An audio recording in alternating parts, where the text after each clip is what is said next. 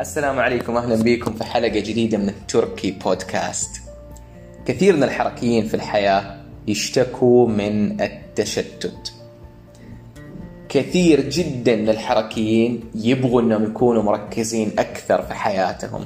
هذا الشيء أتوقع إنه أغلب الناس عموما يسعوا تجاهه بس الحركيين حصل إنهم هم أكثر ناس من ضمن السريانات الأربعة كلها اللي اشتكوا من موضوع التشتت ويواجهوا تحدي فيه. وبالذات إنه التكوين الحركي المقياسين اللي فيه اللي هو اللي هم المقياس الافقي والمقياس الخارجي ممكن يعطوا قدرة عالية جدا للإنسان الحركي إنه هو يتشتت. إذا ما وجه تكوينه بالشكل الصحيح فممكن يتشتت بسهولة. مو عشان الإنسان الحركي أتولد وعنده صفة التشتت لا. لأنه التكوين الأفقي الخارجي يعطي الإنسان الحركي إمكانية إنه هو يتشتت إذا ما وجه تكوينه بالشكل الصحيح، فنلاقي إنه كثير من الحركيين يعانوا من موضوع التشتت، ولما يكون عند الإنسان تحدي التشتت هذا وعادة التشتت ينتج عنها مشاكل مختلفة. زي مثلا آه يصير عنده تحدي في إنه يكون عنده وضوح عالي في حياته، يصير عنده تحدي في إنه يفهم ذاته، يصير عنده تحدي في إنه يحقق أهدافه، فتبدأ تصير في تحديات كثيرة جدا، يصير عنده تحدي كبير جدا في إنه يطور من مهاراته، ممكن يبدأ في مهارة واحدة وما يكملها، ما يطورها، ما يطورها بالمستوى اللي هو يبغاه، يتشتت ويروح لمهارة أخرى، فبالتالي موضوع التشتت وعدم التركيز يسبب إشكالية كبيرة جدا وتنتج عنه تحديات ومشاكل مختلفة. وبالتالي عنوان هذه الحلقة أو موضوعنا في هذه الحلقة حيكون عن التركيز باستمتاع. كيف أنا كإنسان حركي أقدر أكون مركز باستمتاع؟ كثير من الحركيين ربطوا التركيز مع الجدية وعدم الاستمتاع و... وعدم التنويع لما أنا أكون مركز بالتالي ما في أي متعة ما في أي استمتاع بالموضوع. التركيز ربطوه ب... بالملل ربطوه بالطفش ربطوه ب... بالقيود. فبالتالي كثير من الحركيين يواجهوا مشكلة في أنهم يتعاملوا مع موضوع التركيز أنه مرتبط عندهم بالملل مرتبط عندهم بالجدية مرتبط عندهم بالروتين السيء مرتبط عندهم بمعاني كثيرة سيئة. فالسؤال هنا إذا كيف أقدر أكون مركز بس باستمتاع؟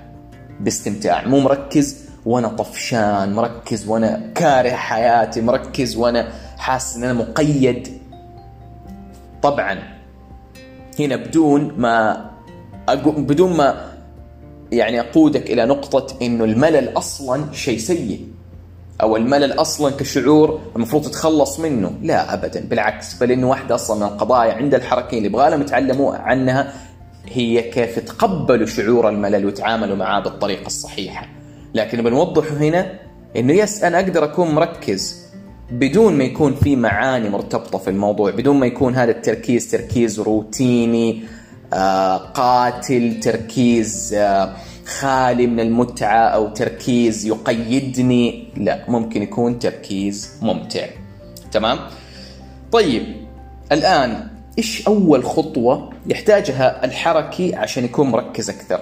الحلقة هذه أنا متأكد أن هي حتفيد الحركيين وغير الحركيين لكني حوجه كلامي بشكل أساسي ورئيسي إلى الحركيين لكن متأكد أنه أي وأي أحد ممكن يستفيد من هذه المعلومات فائدة كبيرة. إيش أول خطوة تحتاج تعرفها؟ عشان تكون مركز أكثر. أول خطوة وأهم خطوة بالذات بالنسبة للناس الحركيين إنك توضح أصلا يعني إيش تركيز بالنسبة لك. لأنه يا ما قابلت ناس حركيين يا ما قابلت ناس من مختلف السريانات يقول أنا بكون مركز في حياتي أكثر. أها طب إيش هو التركيز بالنسبة لك؟ ما أعرف بس بكون مركز. طب إيش تعني بالتركيز؟ وضح لي النتيجة اللي أنت بتوصل لها. يسكت ويقول تصدق ما قد فكرت. إيش النتيجة اللي أنا أبغاها؟ فهذا سؤال مرة مهم. إيش هو التركيز بالنسبة لك؟ إيش الصورة اللي تتخيلها؟ لما تكون أنت مركز أكثر في يومك فإيش اللي حيتغير؟ إيش النتيجة اللي تتخيلها وتتصورها بعد ما تكون مركز أكثر؟ فمثلا كمثال ممكن تقول التركيز حاليا يعني لي إني أنا أكون خلال يومي بأعطي انتباهي بشكل واعي أو بوجه انتباهي بشكل واعي للشيء اللي أنا أبغاه باختيار مني مو انتباهي يتشتت من عنده لا. أنا بختار فين أوجه انتباهي بالطريقة اللي أنا أبغاها بوعي مني. ممكن. هذا واحد من المعاني مثلا.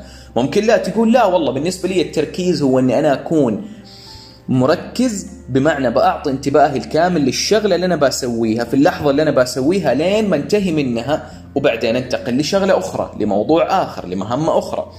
فبالتالي وضح إيش النتيجة اللي أنت تبغى توصل لها في النهاية من خلال التركيز. إيش هذه النتيجة؟ إيش يعني لك التركيز؟ على الأقل حاليا على الأقل حاليا بس. إيش التركيز تبغى توصل له؟ وضحه. النقطة الثانية والمهمة جدا جدا مهمة. هي إنك تجاوب على سؤال ليش؟ ليش تبغى تكون مركز؟ هذه القاعدة ما تنطبق فقط على التركيز. هذه القاعدة تنطبق على تقريبا معظم الأشياء في حياتك بالذات كإنسان حركي. أنت محتاج أنك تعرف ليش. محتاج تسأل لماذا؟ ليش أنا بسوي ذا الشيء؟ ليش أنت تبغى تكون مركز؟ إيش الأسباب؟ عدد ثلاثة أربعة خمسة أسباب تخليك تبغى تكون مركز. من ثلاثة إلى خمس أسباب على الأقل. حدد هذه الأسباب اللي تخليك تبغى تكون مركز. أنا أبغى أكون مركز مثلا عشان لما أكون مركز أكثر في حياتي أقدر أحقق أهدافي. أنا دائما أضع هدف قدامي وأتشتت وما أثبت على الهدف. فهذا واحد من الأسباب. مثلا كمثال ايا كانت الأسباب اللي عندك؟ أنا أبغى أكون مركز عشان أبغى أحس إنه عندي صفاء ذهني أعلى أحس إنه ذهني دائما مشتت ونفسي في صفاء ذهني أو سلام داخلي أحس به كذا من خلال تركيزي نفسي ذهني يكون صافي. حدد ثلاثة إلى خمس أسباب رئيسية مهمة بالنسبة لك تدفعك إلى أنك تصل إلى نتيجة التركيز. طيب هذه نقطة ثانية وسؤال جدا مهم لازم تجاوب عليه. الآن أمسك ورقة وقلم. وأبدأ أكتب هذه الأسباب. طبعا إلا إذا كنت بتسوق حاليا فعادي يعني حدد الأسباب في عقلك ولما توصل البيت ممكن تكتب الأسباب. سو so, السؤال اللي بعده فهمنا ليش؟ دحين نروح لليش ثانية. لماذا الأخرى؟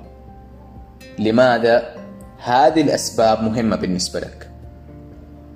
لماذا هذه الأسباب مهمة بالنسبة لك؟ ترى هذه أسئلة مرة مرة مرة مرة مهمة جدا مهمة. عشان تبني عندك ثبات داخل عشان تبني عندك الوضوح وتصير عارف انت ليه بتتحرك في هذا الاتجاه. فهذه الأسباب مهمة جدا هذه الأسئلة مهمة جدا بالنسبة لك بالذات كإنسان حركي وبتساعدك إنك تزود الوضوح عندك وبتساعدك تزود الثبات الداخلي. فليش هذه الأسباب مهمة بالنسبة لك؟ ليش مهم بالنسبة لك إنك أنت تكون آه تحقق هدفك مثلا؟ إذا كان هذا واحد من أسبابك. فليه مهمة هذه الأسباب؟ بالنسبة لك فمثلا ممكن تقول مهمة لي أول سبب مهم لي أن أنا أحقق أهدافي هذا السبب يهمني لأن أنا أبغى أبغى أن أنا أحس أن أنا بتقدم للأمام في حياتي. أبغى أن أنا دائما أكون متقدم وبأنجز وبحقق الشيء اللي أبغاه ما أبغى أكون عالق مثلا. فحدد كل سبب من هذه الأسباب ليش يهمك ليش هو مهم بالنسبة لك. كل سبب من هذه الأسباب وفصل أشرح بالضبط ليه كل سبب من هذه الأسباب يهمك فعلا؟ تمام؟ وطبعا إذا بغيت إنك أنت تتوسع في الموضوع فممكن تأخذ كل سبب وتطلع له أيضا ثلاثة عبارات تفسر ليش هو مهم بالنسبة لك. أو ممكن فقط تكتفي بأنك تشرح كل سبب ليه هو مهم بالنسبة لك في جملة واحدة أو في عبارة واحدة أو في نقطة واحدة عموما. أوكي؟ بعد ما جاوبت على هذه الثلاث الأسئلة المهمة اللي هي إيش يعني لك التركيز الآن؟ ليش تبغى تكون مركز؟ وليش هذه الأسباب مهمة بالنسبة لك؟ أو هذه النتائج مهمة بالنسبة لك؟ أخيرا نروح نقطة محورية وهامة جدا في حلقتنا اليوم اللي هي تقليل المشتتات. لازم لازم لازم تبدأ تنقص من المشتتات عشان يبدأ عقلك يتعود على التركيز بأنك أنت تزيل عدد أو نسبة معينة من المشتتات أو التشتت في حياتك. فبالتالي من الآن أول شيء تسويه هو أنك أنت تبدأ تقيم أنا الآن إيش اللي بيشتتني خلال يومي؟ إيش أكثر الأشياء اللي بتشتتني؟ خليني أراجع يومي أشوف فين العناصر الأساسية فين المواقف الأساسية فين الأشياء الأساسية اللي بتشتتني okay الجوال واحد ال social media هذا شيء ثاني بيشتتني. آه عندي إني آه مثلا group من أصدقائي أو أحد من أصدقائي دائما أتصل عليه كل يوم وأدخل في محادثات. آه، ال gaming video games movies ايا كان. إيش اللي بيشتتك؟ بشكل دوري يوميا. بشكل دوري سواء كان يوميا أو اسبوعيا ايا كان المدى اللي أنت بتتكلم عنه. عموما حط المشتتات الرئيسية. خليك مدرك الآن بإيش هي المشتتات الرئيسية اللي بتشتتك. تمام؟ بعد ما عرفت المشتتات الرئيسية اللي بتشتتك هذه خلاص أنت عرفت والله الجوال بيشتتني ال social media بشتت بتشتتني وغيرها. بعد كذا بعد ما عرفت إنها هي بتشتتك الآن قد إيش بعد ما تحدد هذه المشتتات قد إيش هذه المشتتات بتشتتك خلال يومك؟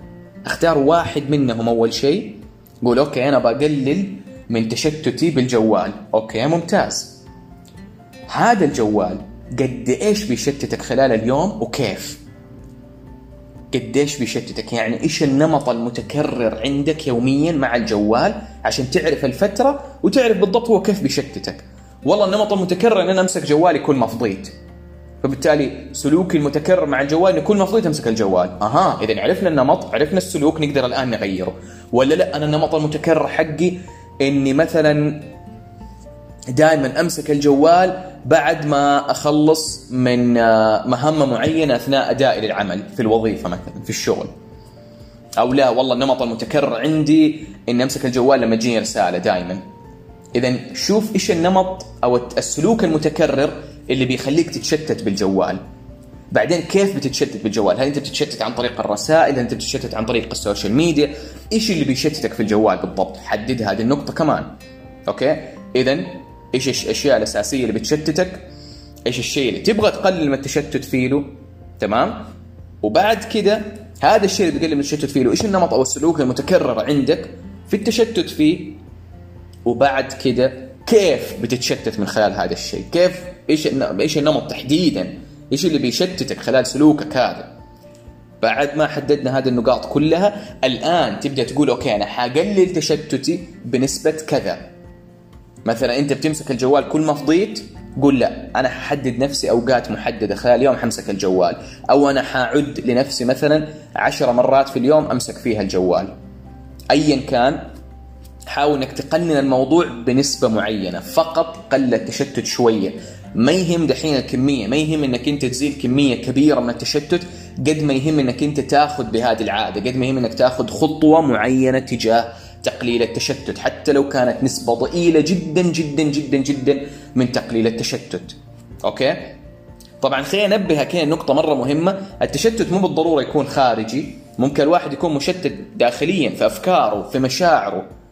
لكن هذه أحد المنافذ اللي ممكن يبدأ منها الإنسان. منفذ نحو تقليل التشتت اللي هو المشتتات الخارجية. هذه أحد المنافذ. يعني أحد المداخل اللي ممكن يبدأ بها الإنسان إنه هو يقلل من التشتت ولا في أصلا تشتت داخلي في الأفكار في تشتت في المشاعر وغيرها لكن حاليا نبغى نبدأ بالمنافذ الخارجية بالذات بالنسبة للاشخاص الحركيين. فإنت حددت الآن هذه النقاط كلها تحدد نسبة معينة تقنين معين فتقلل فترة التشتت بشرط إنك ما تتشتت بشيء ثاني قللت فترة التشتت هذه لا تتشتت بشيء ثاني مكان هذا التشتت مكان هذه المساحة. الحين انت قللت من التشتت حيصير عندك مساحة فراغ أتعامل معاها بشكل واعي. إما إنك تجلس مع نفسك خلال هذه الفترة إما إنك تركز أكثر على أداء عملك أو إنك تكون مركز في شيء مفيد تستفيد منه قراءة كتاب أو أي شيء. تصير يوميا الفترة اللي أنت كنت مشتت بها بالجوال صرت تقرأ كتاب أو تختلي بذاتك ايا كان سوي شيء يفيدك ويضيف لك خلال هذه الفترة ولا يضيف إلى تشتتك. بمعنى تسوي شيء جديد مختلف بتركيز. سوي موضوع معين بتركيز أنت اخترته باختيار واعي أنت اخترته أنك أنت تبغاه لأنه هو منسجم مع الشيء اللي أنت تبغاه منسجم مع قيمك وليس شيء آخر يشتتك. أوكي؟ هذه أول الخطوات اللي حناخذها في موضوع التعامل مع التشتت. وهذا الجزء الأول من الموضوع. عندنا لسه الجزء الثاني. حنتكلم فيه أكثر عن كيف نقدر نكون مركزين باستمتاع لكن حاليا أبدأ بهذه الخطوات. طبقها. في الحلقة الجاية حنتكلم باتساع أكثر عن كيف تقدر تكون مركز باستمتاع.